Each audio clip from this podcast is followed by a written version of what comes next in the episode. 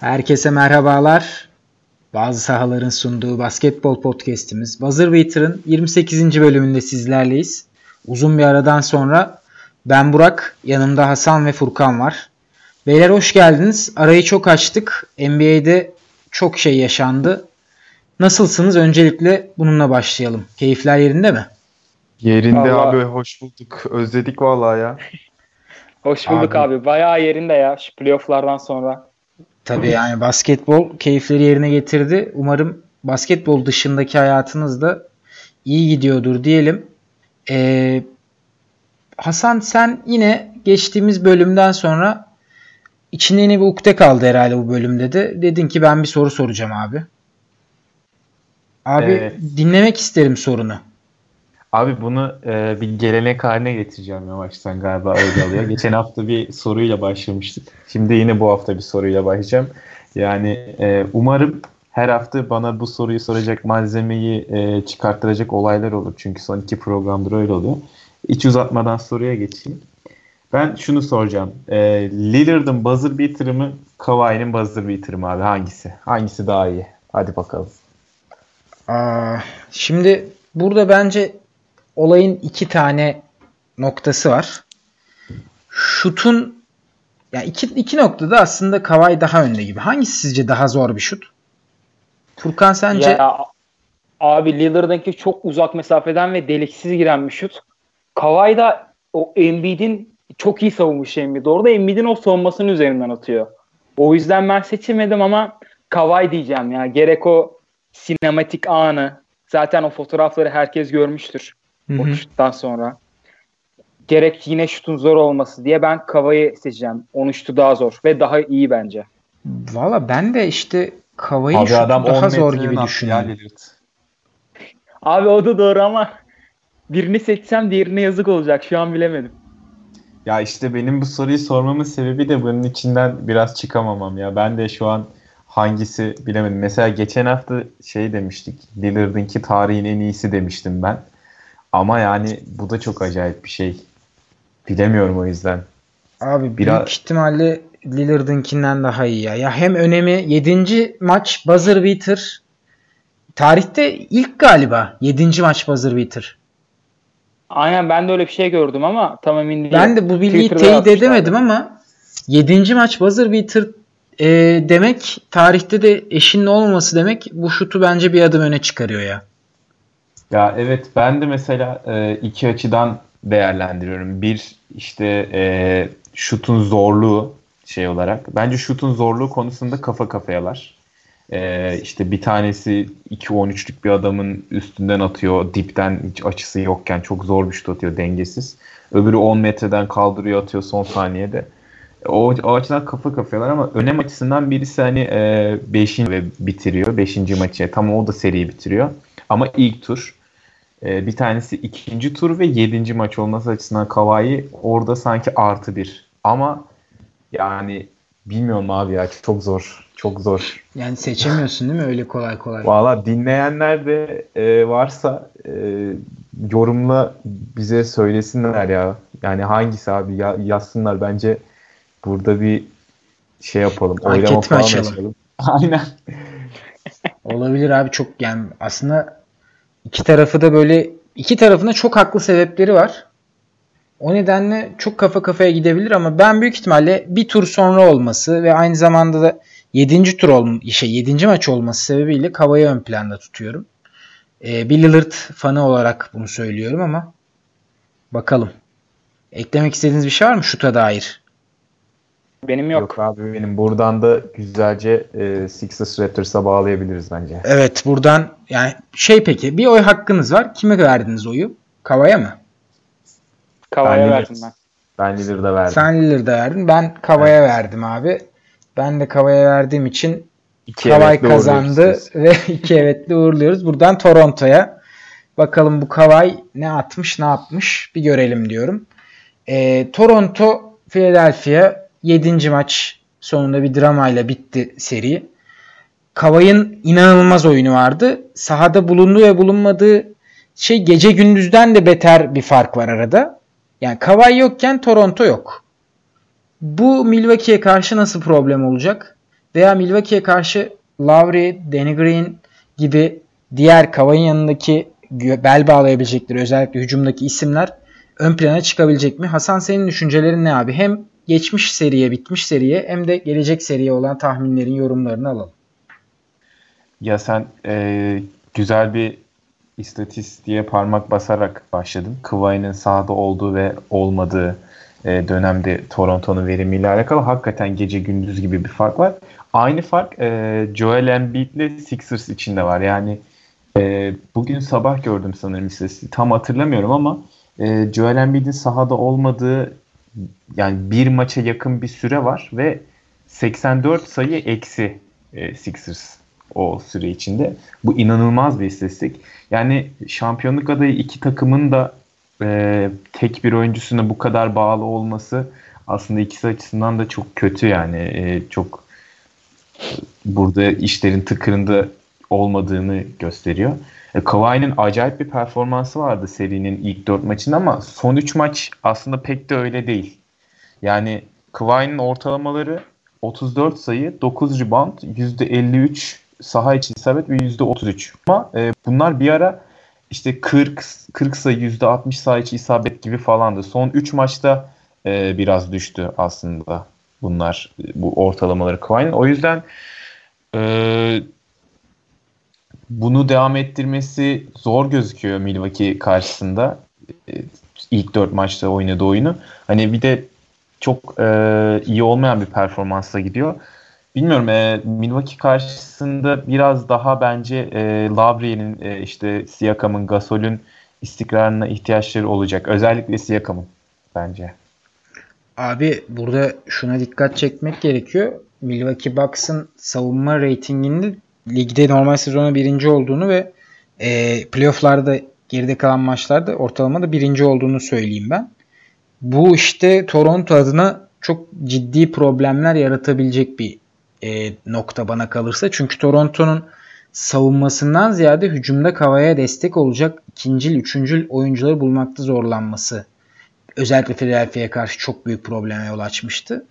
Çünkü yani son 3 maçta Kava yine e, %43 ile oynamış ama yüzde üçlükten %11 ile oynadı. Hani buna rağmen seriyi %54 saha içi ve %41 üçlük yüzdesiyle bitirdi. Bunlara rağmen e, ben Milwaukee karşısında da aslında %54 saha içi isabet %40 üçlük isabetini sürdürebileceğini düşünmüyorum. Çünkü Milwaukee Philadelphia'dan daha iyi bir savunma takımı. Özellikle takım savunmasında. E, ya da şunu yapabilirler. Kavayı tamamen boş bırakıp veya boş bırakıp derken e, double team yapmayıp pardon Kavayı tamamen bitirip diğer oyuncuların atmasını e, sağlayabilirler. Diğer oyuncular da bence Toronto'yu bir adım öne taşımayacaktır. E, Furkan sen ne düşünüyorsun abi? Toronto'nun bu hücum problemleri hakkında özellikle. Abi dediklerinize kesinlikle katılıyorum. Hani bu takım Kawhi iyi oynadığında hücum ediyor, oynamadığında edemiyor. Hani normal sezondaki performanslarını en azından playoff'un ikinci turunu Sixers'a karşı gösteremediler. Ki Sixers da iyi bir savunma takımlarının fiziklilerdir. Çoğu pozisyonu switch edebilen oyuncuları var. Milwaukee bu açıdan e, Toronto'yu daha çok zorlayacaktır diye düşünüyorum ben. Çünkü çok iyi savunmacıları var ve sizin de dediğiniz gibi takım savunmasında çok daha iyiler ve genelde savunmayı gömülerek yapmayı seviyorlar. Hani Danny Green e, Sixers serisindeki gibi 6'da 1'ler 8'de 0'larla atacaksa Lowry de keza öyle bir performans sergileyecekse Milwaukee zaten üçlük atamayan oyuncuları sahada force etmeyi çok iyi beceriyor. Toronto bunun cezasını çekecektir bence. Ama e, şöyle Milwaukee'nin de bu seride olumsuz etkilenebileceği bir taraflar olabilir. Hani Nick Nurse iyi bir koç bana kalırsa. Boston serisinden ders alacaktır bence. Yani Boston serisinin birinci maçını hepimiz hatırlıyoruz. Antetokounmpo'yu nasıl savunduklarını. Hani Al Horford'da çizgide karşılıyorlardı. Sonra bir yardım getirip topu elinden çıkarmaya çalışıyorlardı.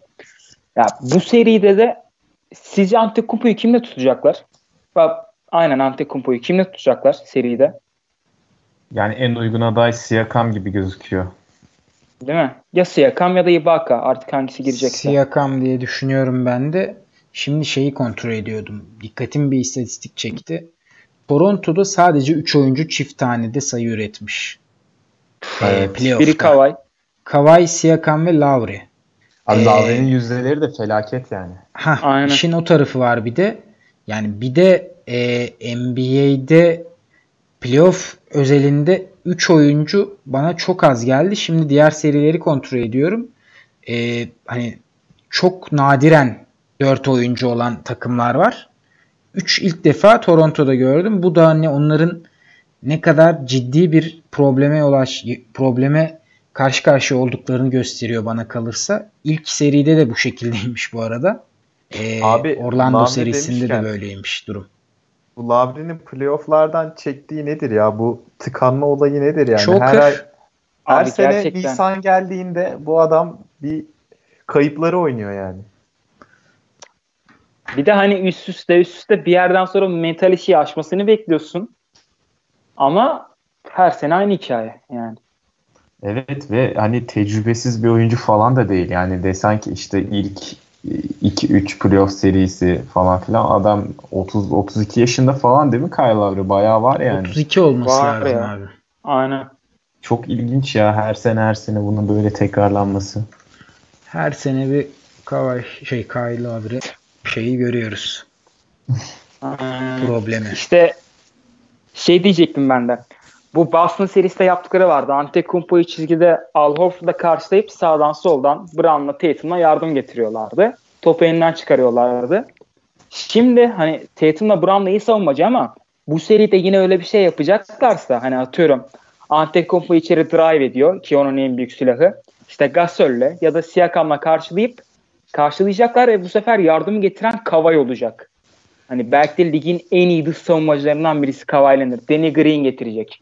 O açıdan Antetokounmpo özelinde Bucks hücumunun tökezleyeceğini düşünüyorum ama Boston serisinde olduğu gibi Budenholzer bence bir çözüm bulacaktır bu sıkıntıya eğer bunu kullanırlarsa. Ee, ama bunun haricinde ben de e, eşleşmede Bucks'ı daha üstün görüyorum açıkçası. Çünkü çok düzenli bir hücumları var. Çok iyi bir savunmaları var. Daha yırtıcılar. Ve hücumları yani evet takım yıldızı Antetokounmpo ama şeye bağlı değil. Sadece Antetokounmpo değil. George Hill'in, Pat Connaughton'ın yere geldiğinde Chris Middleton'ın nasıl bir yükseliş gösterebildiğini gördük. Önceki Boston serisinde. Chris Middleton zaten ben... Boston'ı gördü mü çıldırıyor. Aynen öyle. Golden State gören Russell Westbrook'a bağlıyor. Hakikaten öyle. Ya bu arada acayip bir seri geçirdi. Vallahi. Biz hani Siakam savunur falan dedik ama e, bence bunu şeye dayanarak dedik hani Antetokounmpo'nun çok uzun süreler 5 ve 4 numarada oynamasını dayanarak söyledik. Hani Kawhi Leonard Antetokounmpo eşleşmesi de görebiliriz bence çok uzun bir süre boyunca. Yani Mutlaka Toronto... Gasol'le falan da kaldığı olacaktır diye düşünüyorum ben. Ya bence ondan mümkün olduğunca uzak durmaya çalışacaklar. Çünkü o intihar yani Gasol'le Antetokounmpo'nun kalması çok e, yani yardımlı bir gelmiyor. şekilde olabilir abi ya sanki. Ya aynen ben de öyle Gasol'ün olacağını düşünüyorum. Hani zeki yani zekası ya evet. bunu kotarabilecek yani kısa sürelerde tabii ki 15 dakika 20 dakika gibi bir sürede değil ama hani yardım savunmasından gelen Siakam, Leonard gibi hani Boston yapmıştı ya Tatum ve şey Brown gelmişti kenarlardan. Evet. O öyle bir savunmada deneyebilirler kısa süreli halinde diye düşünüyorum ben. Evet ama hani Leonard'la da uzun süreler eşleşebilir gibi. Çünkü Leonard'ın yani ne kadar iyi bir savunmacı olduğunu anlatmaya gerek yok burada. Mutlaka abi. Buna herhangi Bunu da bir denemek yok. isteyeceklerdir. Evet. Ya ama şey falan olursa intihar yani hani işte çiz, üçlük çizgisinin dışında Gasol'le falan bırakacaklarsa net intihar. Bırakmazlar zaten de. O sıkıntı olabilir. Ben de sanıyorum o kadar. bence ya Hasan'ın da dediği gibi. Ya bu arada Siakam demişken çok Milwaukee eşleşmesine odaklandık. Sixers eşleşmesine dönecek olursak ben şeyde e, dikkatimi bayağı çeken bir nokta oldu Sixers'ın savunma stratejisinde. Siakam'ı uzun e, süreler boyunca üçlük çizgisinin gerisinde savunmadılar. Ve Siakam e, bayağı düşük yüzdeyle kullandı ama atmaya da devam etti yani. E, toplam 7 maçta 33 tane üçlük denemiş. E, Siakam özelinde Bence Maç yüksek bir rakam bu. Üçlük, iyi. Gayet iyi. Ve şeyi de biliyoruz yani Milwaukee'nin savunma stratejisinin rakibin kötü şütörlerini riske ederek e, içeride kalmak olduğunu, o şütörlerden e, üçlü atmasını istemek olduğunu biliyoruz. Mesela Siakam'a da böyle bir strateji uygulayabilirler. E, ve bu serideki gibi atarsa durum nasıl olur bilemiyorum. O da ilginç olacak bence. Bunu da şöyle bir perspektife sokabiliriz. Pascal Siakam'ın sezon boyunca 2.7 üçlük denediğini söyleyeyim. Hani normalden fazla hücumda sorumluluk alıp normalden fazla üçlük denedi Siakam. O nedenle evet. Milwaukee'ye karşı bunu devam ettirmesi çok olası. Üstüne senin de bahsettiğin gibi Milwaukee'nin savunmasına ötürü daha da yükseltmesini de ben bekliyorum. 7-8'i görebilir denemeleri Siakam'ın. Üçlük denemeleri. Evet olabilir ve yani e, sokması durumunda Toronto'ya çok büyük avantaj sağlar ama e, hani Milwaukee'nin bunu sezon boyunca çok iyi yaptığını gördük. Orada e, İbre bir tık Milwaukee'den yana olabilir yani. Özellikle bu e, iki uzunun yan yana oynattığı kısımlarda Toronto'nun ya işte Gasol, Ibaka'yı deniyorlar bazen. Hı hı. Oralarda İbre Milwaukee'ye dönebilir. Ve şey de çok önemli bu sefer hani eğer Toronto'da Gasol başlayacaksa ilk 5'te Boston serisinin aksine Lopez sahada tut- tutabilecekler. O da ha, önemli video bir var. olacak. Evet bence. video var. Ee, Boston serisinden bahsetmişken hani orada bir George Hill faktörü de var bence göz ardı etmememiz gereken. George Hill gerçekten hani e, basketbola geri dönmüş gibi bir oyun oynadı bütün seri boyunca ve e, Milwaukee'nin ihtiyacı olan ve aradığı o Malcolm Brogdon'ın yokluğunda aradığı şeyi George Hill'le buldular. Brogdon'a döndü zaten. Hani Milwaukee aslında her geçen gün daha da tehlikeli bir takım haline gelmeye başlıyor.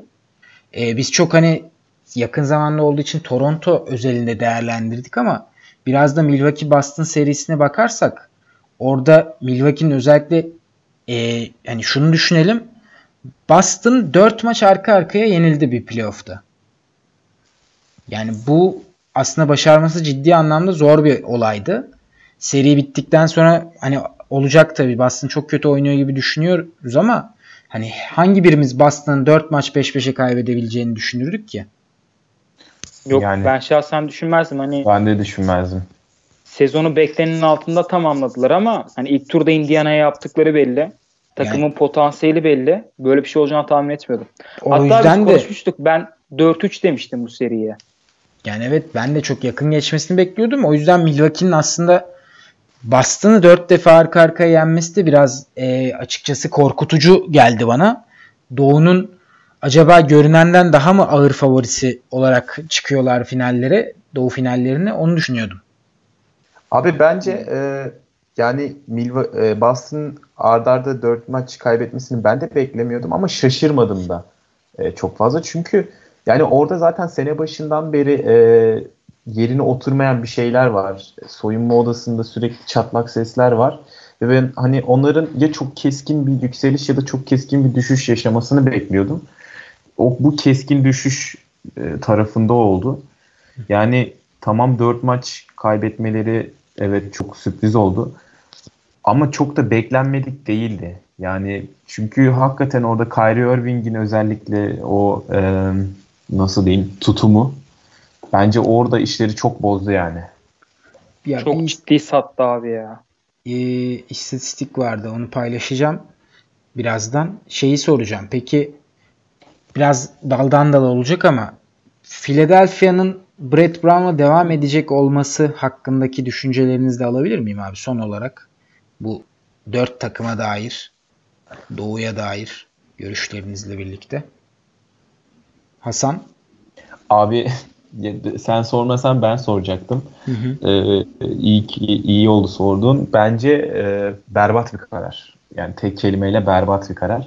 E, yedinci maçtan önce şöyle bir haber çıkmıştı. İşte olası bir yedinci maç mağlubiyeti durumunda. Evet, sonu Brett olabilir mi? Aynen Brett Brown'un bu durumdan kurtulamayacağı e, haberi vardı.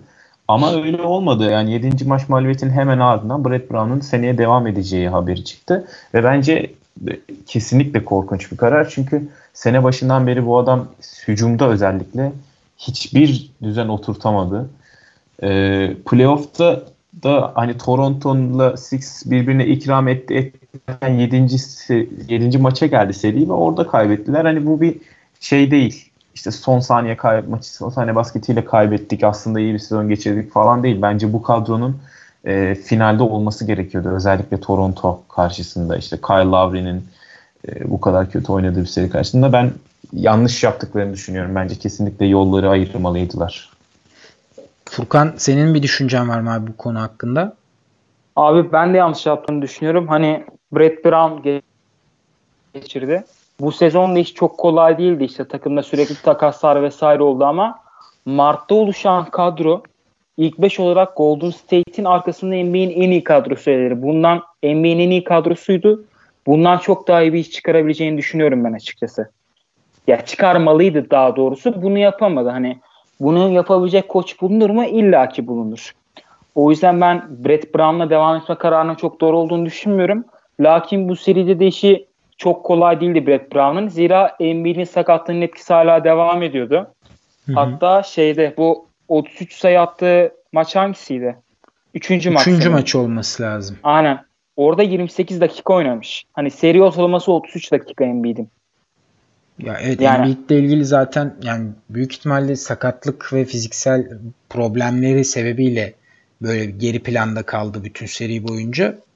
Ee, ama ben de Brett Brown'un devam etmenin biraz duygusallıkla alınmış yanlış bir karar olduğunu düşünüyorum. Ee, bunu önümüzdeki dönemler gösterecek ama pişmanlık ihtimalini çok yüksek görüyorum açıkçası Philadelphia tarafında. Ben de. Deyip e, son olarak şu istatistiği vereyim. Kyrie Irving'in büyük ihtimalle Boston formasıyla son 4 maçında ki istatistikleri %30 sağ içi isabet, %18 üçlük, 3.5 top kaybı 19 sayı. Gibi. Berbat. Çok iyi ya efsane. Berbat, berbat ve şöyle bir berbatlığı da var. Ee, eksi 16 box plus minus'ı. Sağdayken değil mi? Evet. Evet. Oo çok kötü. Yani Kawhi Leonard şey. bitmiştir diyebilir miyiz? Balonu patladı. Kyrie Irving. Pardon Kawhi Leonard nerede? Kyrie Irving balonu patladı. Diyebilir miyiz? Ya bilmiyorum balon demek Abi, belki çok hak, çok haksızlık olur ama şu seri şu 5 maç yani berbattı felaketti. Yani tamamen o şeydi kafasının başka yerde bitirmiş gibi sanki Boston'ı. Görebiliyorduk yani. Evet. Bir çok hani bu profesyonelliğe hiç yakışmayan bir davranış bence. Yani sezon sonunda ne yapacaksan yap. Yani o e, bunları, bunları etkilememeli. Yani bunları konuşmamalıyız bile. Kesinlikle abi. Özellikle bence şeyden çok belli oluyor. Yani tam hücumda atamayabilirsin, girmeyebilir, e, işte kötü dönemler olabilir ama savunmada gerçekten yani efor göstermedi ya. Adam efor göstermedi. Yani karşısında durmak için bir şeyler bile yapmadı rakibin. Bence en en büyük şeyi buydu. Ee, eleştiri alması gereken nokta. Kesinlikle katılıyorum. Ee, playoff bitince free agency'de bakalım Kava, e, Kyrie Irving'in ve Kevin Durant'in akıbetleri ne olacak deyip isterseniz batıya doğru gidelim. Çünkü bir yedinci maçta orada gördük. Ee, o da aynı gün oynandı zaten. O maç belki son topa kalmadı böyle ama yine Philadelphia e, Toronto maçı gibi çok kafa kafaya, çok denk gitti.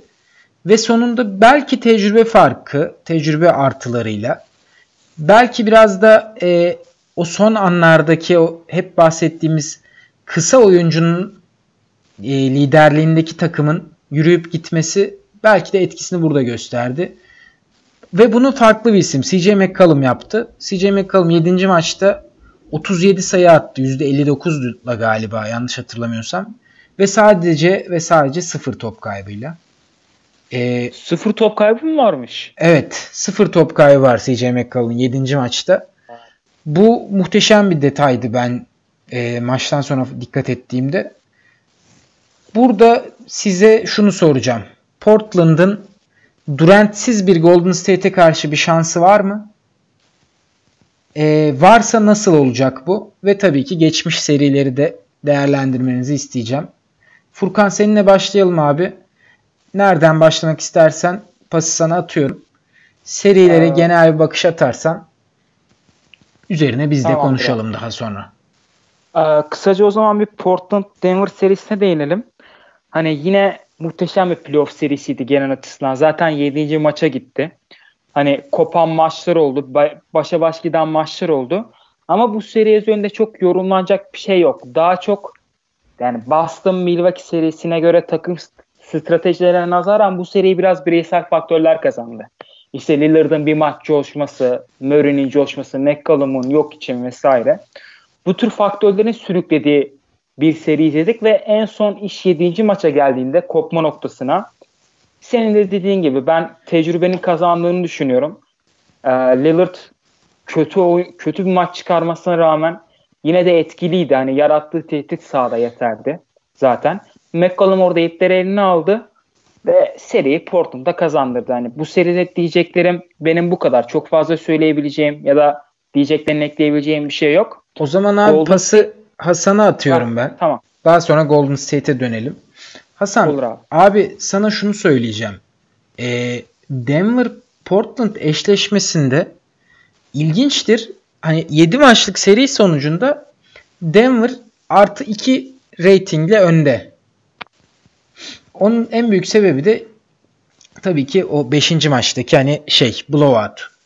Ee, evet. Peki sence seriyi Denver'ın kapatamamasının, kendi evinde kapatamamasının sebebi neydi abi?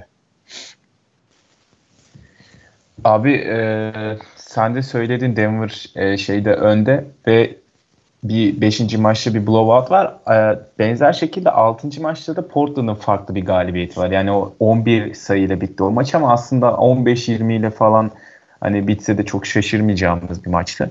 E, ben bu seriyle alakalı e, şey okumuştum. Twitter'da bir tweet görmüştüm. Şey yazmışlar. Hani e, çok ilginçtir ki e, takımlar bir önceki maçta nasıl oynadığını unutup diğerine e, seri ikram ediyor tarzı bir şey yazmışlar. Hakikaten 5. 4. maçtan sonra böyle oldu işte. 5. maçta Portland oynamayı unuttu. 6. maçta Denver oynamayı unuttu derken 7. maç izledik. Ve e, ben sizi söylediklerinizi e, şu noktada katılıyorum tecrübe konusunda ve e, Portland'ın bir kültürü e, olması konusunda katılıyorum. Portland'ın kültürü bu 7. maç sonunda çok vurgulandı e, herkes tarafından. Özellikle CJ McCollum ve Damian Lillard etrafında e, yaratılan kültür bayağı vurgulandı. E, ben 7. maçı izlerken şunu fark ettim. Yani Denver e, Nikola Jokic önderliğinde bir takım e, ve Nikola Jokic aslında bu takımın birinci ana skoreri olmaya başladığında problemler başlıyor ve Portland bunu çok çözmüş gibiydi. E, 7. maçta Jokic 26 şut kullanmış e, yanılmıyorsam ve bu Jokic'in seride kullandığı en yüksek şut sayısı. Yani işte Jokic'i e, oyun kurucu olmaktan çok ana skorer olmaya e, zorladıklarında Bence Portland orada doğru işi yaptı ve Denver'ın e, bütün hücum ezberlerini bozup orada e, öne geçmeyi bildiler. E, yani çok iyi bir 7. maç stratejisiydi bu. Ben e, en büyük etkenin bu olduğunu düşünüyorum ve yok içinde çok çok çok fazla yorulduğunu gördük. Yani 7. maçta bitmiş durumdaydı neredeyse. Yani evet zaten yok işte genelde öyle bir görüntü var. 7. maçın sonunda iyice hani sonlarında özellikle iyice bu baş gösterdi. Ben şeyin e, Lillard'a bir top kaybetti ya bir hani tembel bir pasla kaybetti topu. O pasın hı hı. tamamen yorgunlukla bağlantılı olduğunu düşünüyorum. E, dikkatsizlik ve yorgunluk bir arada yani yorgunluğun getirdiği bir dikkatsizlik. O büyük ihtimalle seride hani bir şansı olacaksa bile Denver'ın tamamen kaybolmasını ve serinin tam olarak e, şeye Portland'a dönmesine sebep oldu diye düşünüyorum. Abi seri ortalaması 42 dakika ya. Yani insan işi değil. Yani evet akılır gibi değil. O yoğunlukta, e, o tempoda oynanan maçlarda yani e, fiziksel baskının yanı sıra mental olarak da çok yoğun maçlar. 42 dakika boyunca sahada kalmak hakikaten çok acayip bir iş. Yani burada bir coaching hatası olduğunu söyleyebiliriz bence. E, şey tarafından. Mike Malone tarafından. Yani sezon boyunca çok övdük. Ee, benim yılın koçu ödülüm de oyum da ona gitti. Ama burada sanki Mason Plumlee'yi biraz daha kullanabilirdi.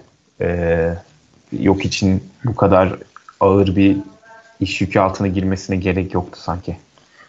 Olabilir abi. Ee, gayet hani ikame edebilecek çok kısa anlarda da olsa birer ikişer dakika da olsa Mason Plumlee yok için yerine ikame edebilecek bir oyuncu bana kalırsa da pasör kimliğiyle de dikkat çekiyor. Yani yok için yaptığını tamamen yapamaz ama sonuçta kısa sürelerde verimli olabileceğini düşünüyorum.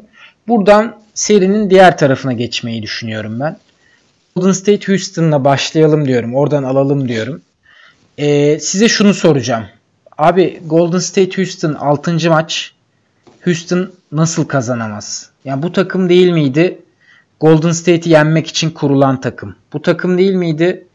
Bizim Daryl Morey'nin özellikle üzerine basa basa biz hani analitik açıdan Golden State'i ve NBA'deki diğer takımları hani nasıl yenebileceğimizi, durdurabileceğimizi bulduk. Bunun için bu sistemi oynuyoruz. Şimdi Durant'i olmayan Houston Rockets'a şey Golden State'e ilk yarı sayı atamamış Stephen Curry'e nasıl kendi sahasında maç verdi Houston Rockets? Benim bunu aklım almadı. Siz bana bunu anlatabilir misiniz? Ben izledim. Abi. Maçı izlememe rağmen aklım almadı. Vallahi biz de senin aynı durumdayız diye düşünüyorumdur. Hani hepimiz maçı izlemişizdir. Hani nasıl o maçı verdiler, alamadılar benim aklım almadı. Hani evet Chris Paul geçen seneki formunda değildi. Bunun seriye çok büyük bir etkisi oldu. İşte yırtıcı değildi, şutlara girmedi. Oyun kurucunun piri olarak bildiğimiz Chris Paul çok yanlış tercihler yaptı seri boyunca. Ama bunlar Kevin Durant'siz bir Golden State'e ve ilk yarı sayı atamayan bir Curry'e kaybetmeye şey değil. Bahane değil kesinlikle. Harden'ın biraz pasif da, tavrı da e, bu serinin kaybedilmesine etkili oldu diye düşünüyorum. O istatistiği görmüşsünüzdür belki. Beşinci maçın mı? Altıncı maçın mı? İkisinden biri son 8 dakikasında sadece bir top kullanmış. Ben ona dikkat etmemiştim. Evet, dikkat evet. etmemiştim izlerken. Ben e, dikkat ettim. Harden niye top kullanmıyor diye düşünüyordum. Maç sonunda da ben de gördüm o tweet'i. Harden son 8,5 dakikada bir ya da iki top kullanmış. E, ben de akıl veremedim bu duruma. Hasan eminim senin söyleyeceklerin vardır abi. Çünkü bunu birinin açıklaması lazım bana ya. Abi ben söyleyeceklerimden önce size şunu sormak istiyorum. Yani ben e, ben de Harden'ın bu e, son anlarda sorumluluk almamasını bayağı düşündüm. Sizce bu savunmanın Harden üzerinde çok yoğunlaşmasından mı? Çünkü mesela sezon içinde bazen Harden üstünde 2-3 kişi olan dönemlerde Harden'ın direkt topu elinden çıkarıp arkayı 3'e 2, 2'ye 1 bırakmaya çalıştığını gördük. Yoksa hani gerçekten bu bir mental eksiklik mi ya da orada sorumluluğu almamam sizce? E, çünkü hakikaten çok acayip yani e, sezonu sayı kralı olarak tutulma var gibi ya. Ya bu sezonun bireysel olarak en büyük hücum silahı değil mi? James Harden. En büyük Kesinlikle. hücum patlayıcılığını yapan oyuncusu bütün sezonun. Kesinlikle yani. Abi bu adam tüm zamanların en tüm iyi zamanların, hücum oyuncusundan biri bile olabilir belki. E, en iyi sezonlarından birini geçirmiş bir adam. 40 maçlık 30 şey 40 sayılık 30 sayılık serileri var sezon içerisinde. Ve son 8,5 dakikada hani kazan ya da evine dön maçında win or go home maçında bir şut kullanıyorsun. E, çok ilginç gerçekten. hani ben de anlayamadım. Buradan şeye A- dönersek serinin hani nasıl gittiğine falan dönersek ben direkt aklıma gelen ilk isim Capella. Yani e, bu seride resmen şeydi ya iki ay önce falan basketbola başlamış gibiydi. Yani alakası yoktu sahada yani. Draft'ta ee, yeni alınmış bir NBA oyuncusu gibiydi. NBA'ye daha yeni giren. Ya evet Abi, hani Kevin Looney daha iyiydi ya bu seride. Net yani. Evet Kevin Looney bile Capella'dan daha iyiydi. Yani e, Houston'ın başarısındaki en önemli parçalardan birisi Capella. O sisteme en iyi uyan uzun tipi ama e, Houston hiç faydalanamadı ondan ve aksine zararını gördü. E, tam tersinde ise e, Golden State'de ise Draymond Green'in e, eski kendisini bulduğunu gördük. Yani orada 5 e, numarada oynayan iki oyuncunun e, birinin e, sezon normal sezonun üstüne çıkarken birinin dibe vurduğunu ve bunun çok büyük bir fark yarattığını düşünüyorum. Ben yani işte e, Harden standartlarının altında bir seri geçirdi. Curry standartlarının altında bir seri geçirdi. Durant yoktu, Chris Paul kötüydü falan derken bunlar kafa kafayaydı. Ama e, Draymond Green'in Capella'ya üstünlüğü bence e, bu serideki farkı yaratan şey oldu. Ben de Aynen öyle. katılıyorum abi. Yani bu önemli bir noktaydı. Üstüne bir de yani Durant'i bu arada hani es geçmeyelim. İlk 5 e, 5. maçta sakatlandı değil mi Durant? Evet 5. maçın Hı-hı. sonlarında sakatlandı. O maçı da Durant'in sakatlığına rağmen aldılar son saniyelerde yine Houston'da eli ayağına dolanınca. E, Durant'in inanılmaz bir seri oynadığında bahsedelim. Hani benim kim olduğumu biliyorsunuz ben Kevin Durant'im dedikten sonra hakikaten Kevin Durant olduğunu gösteren bir performans ortaya koydu. Yanılmıyorsam 43 sayı ortalaması var. %50'nin üstünde saha içi isabetiyle. Seride ee, mi? O ben Kevin Durant'im açıklamasından sonra. Golden ha. şey Clippers 5. maç, 6. maç ve Houston'ın 5 e, maçı. Yani toplamda 7 maçta 42 sayı gibi bir ortalaması var galiba. Ya evet bayağı e, epik bir playoff geçiriyor Kevin Durant. Tatsız oldu sakatlığı da. Tatsız oldu. O zaman buradan hani sakatlığını da şöyle alalım diyorum.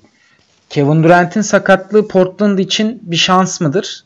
Portland bunu kullanabilir mi? Mesela bir çalabilir mi bir maç?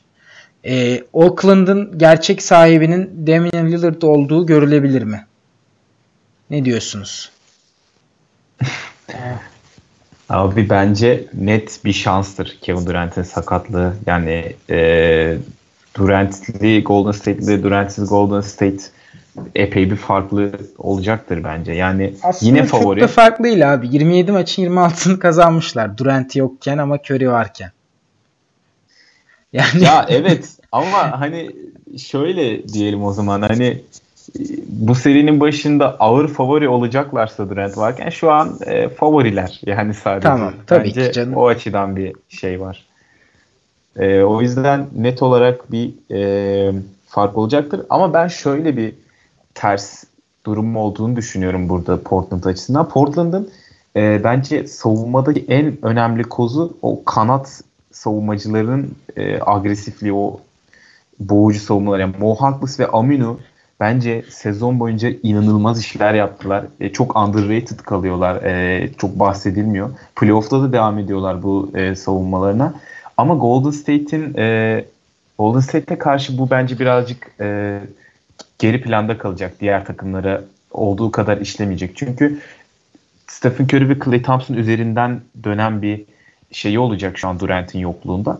Ve onların üstünde ilgi olduğunu e, Draymond Green bu sefer yönlendirici olacak. Onun da e, birebir savunmayla çok durdurulacak bir şey yok. Yani Draymond Green'i savunmak için ya da onun oyun kurmasını savunmak için takım halinde bir savunma yapmak lazım. O açıdan biraz ters gelebilir diye düşünüyorum ben Golden State'in e, hücum stratejisi Portland'da. Ben de kesinlikle Portland'ın savunmada çok ciddi problemler yaşayabileceğini düşünüyorum e, Durant olsa hani bu problemler şey kotarılabilecek seviyede dahi olmayacak bana kalırsa. O yüzden Durant'in olmadığı her şeyi, her maçı fırsata çevirmeleri gerekiyor. Furkan sen peki şöyle pas atayım. Sence Portland birden fazla maç alabilir mi bu seride?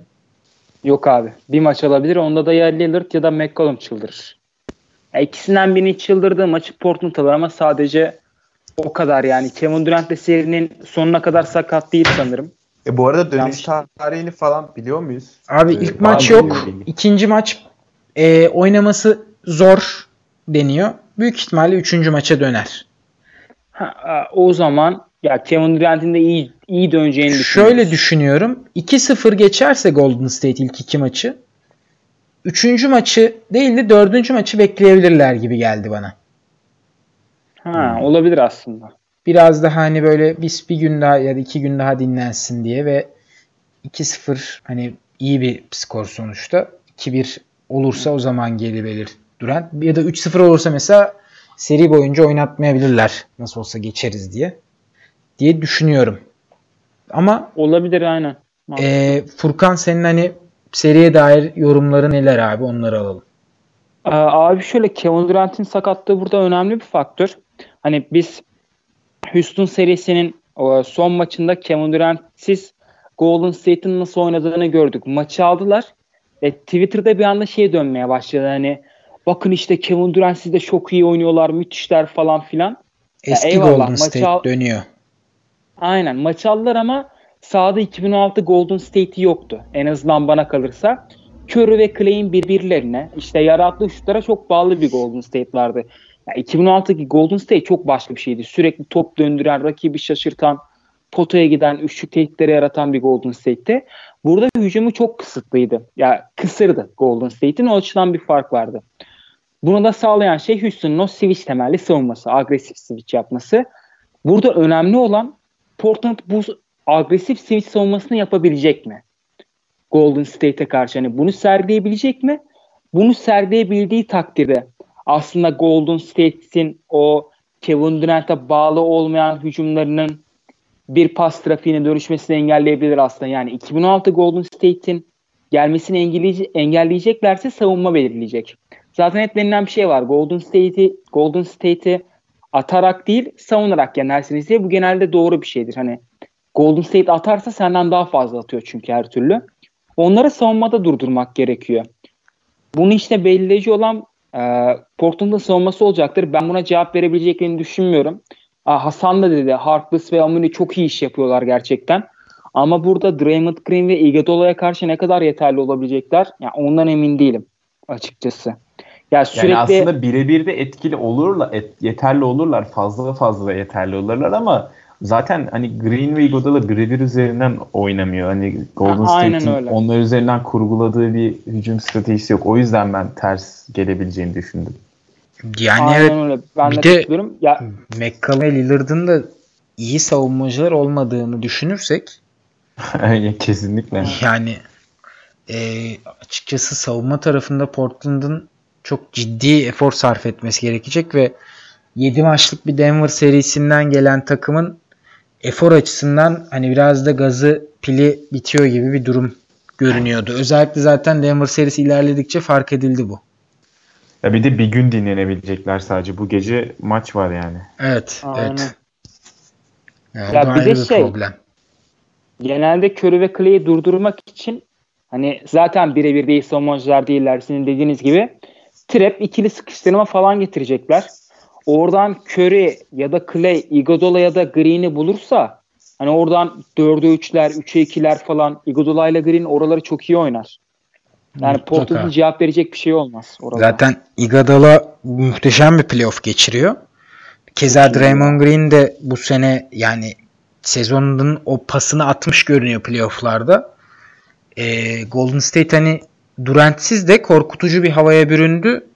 Durant'in gelmesi sadece işleri biraz daha kolaylaştıran bir hani pastanın üstündeki çilek mevzusu gibi olacak.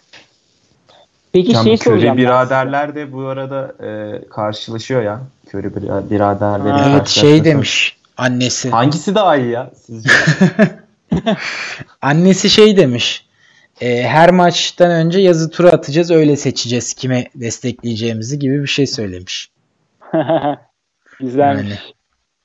Ya ben olsam güçsüzü desteklerdim ya. Annesi olsam. Zaten yani. büyük olan alacağını almış. MVP'ler, kupalar, şunlar bunlar. Biraz da küçük payını yesin. Yani biraz da kardeşin oynasın şeklinde uyarılar hmm. gelebilir kenardan. Bir de ben size şeyi soracağım. Hani Clippers serisinde de hiç Clippers'a şans vermiyorduk ya. Golden State bir anda rehavete falan kapıldı.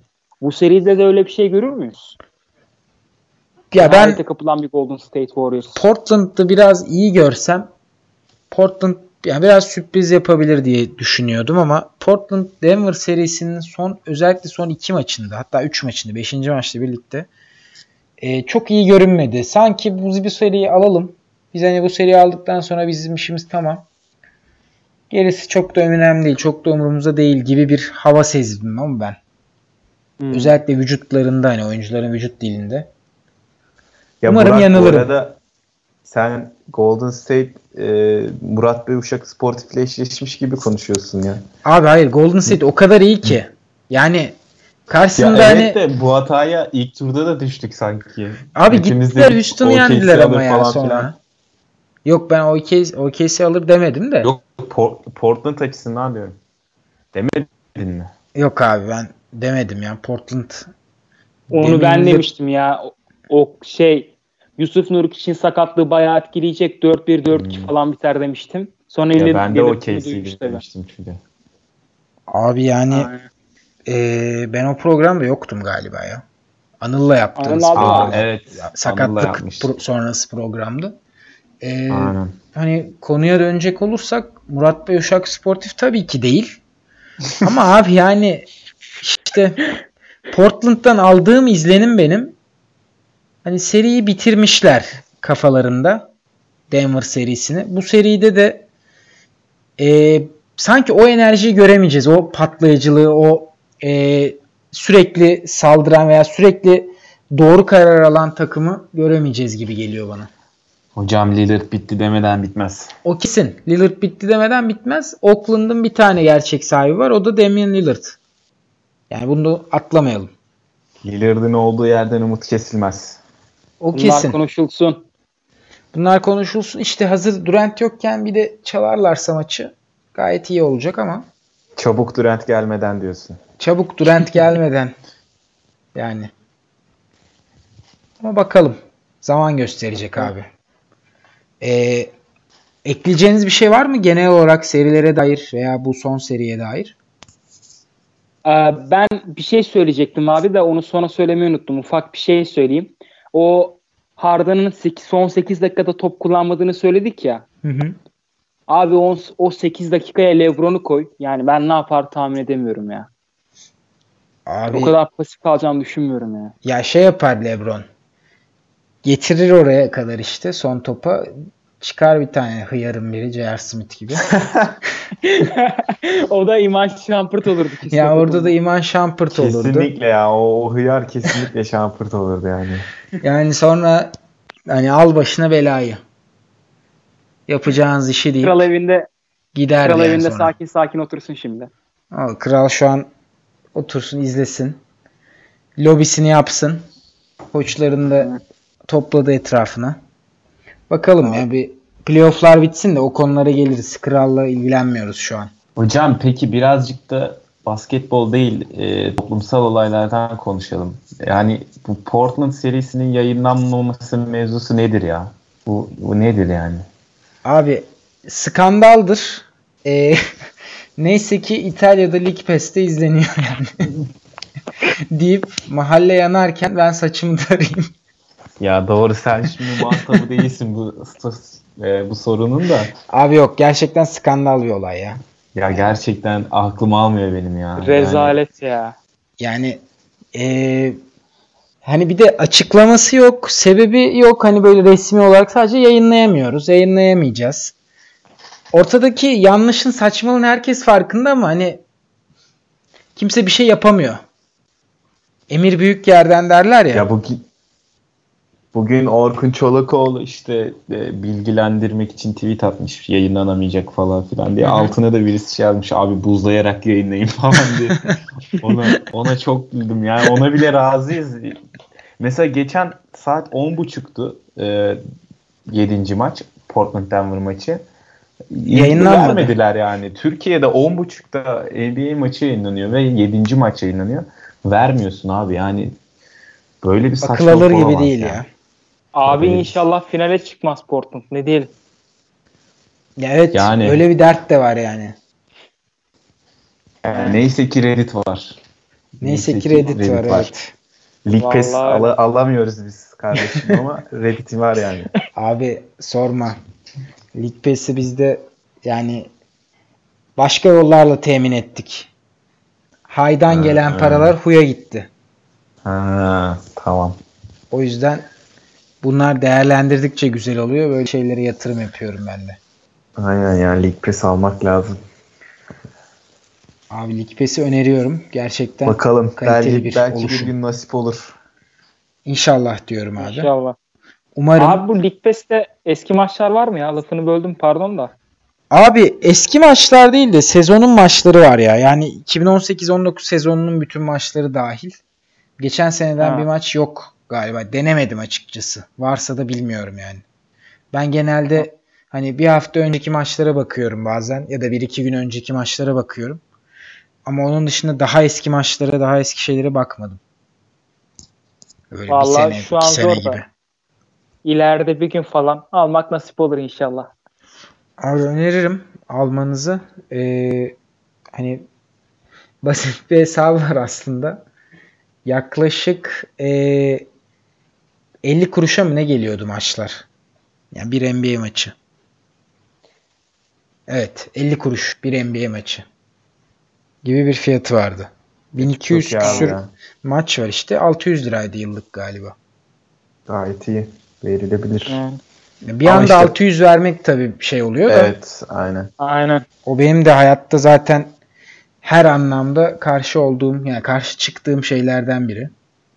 Uçak biletinde falan da hani 2000 lira diye uçak bileti almayıp onun yerine Avrupa'ya gidip 1 euro 8 liradan yiyip içtiğimi hatırlıyorum. Sorsan belki toplamda başka yerlere gitsem daha az para harcayacağım ama sırf uçak parası daha ucuz diye böyle seçimler yapmıştım. Hmm. O yüzden dikkat etmek lazım deyip konudan çok sapmadan ekleyeceğiniz bir şey de yoksa kapatayım diyorum abi. Benim bu kadar da abi. Kamu Yok abi benim de ağzınıza sağlık. Teşekkür ederiz. Eyvallah hepiniz. Abi ağzınıza sağlık katıldığınız ve yorumlarınız için. Ee, bizi evet. dinleyenlere de teşekkür ediyoruz. Önümüzdeki programda görüşmek üzere. Çok araya açmadan ilerletmeyi düşünüyoruz podcastleri. Daha sık bir e, düzende zamanda yapacağız bunu. Teşekkür ederiz dinlediğiniz için. Teşekkürler. Herkese selamlar. Hoşçakalın. Görüşürüz.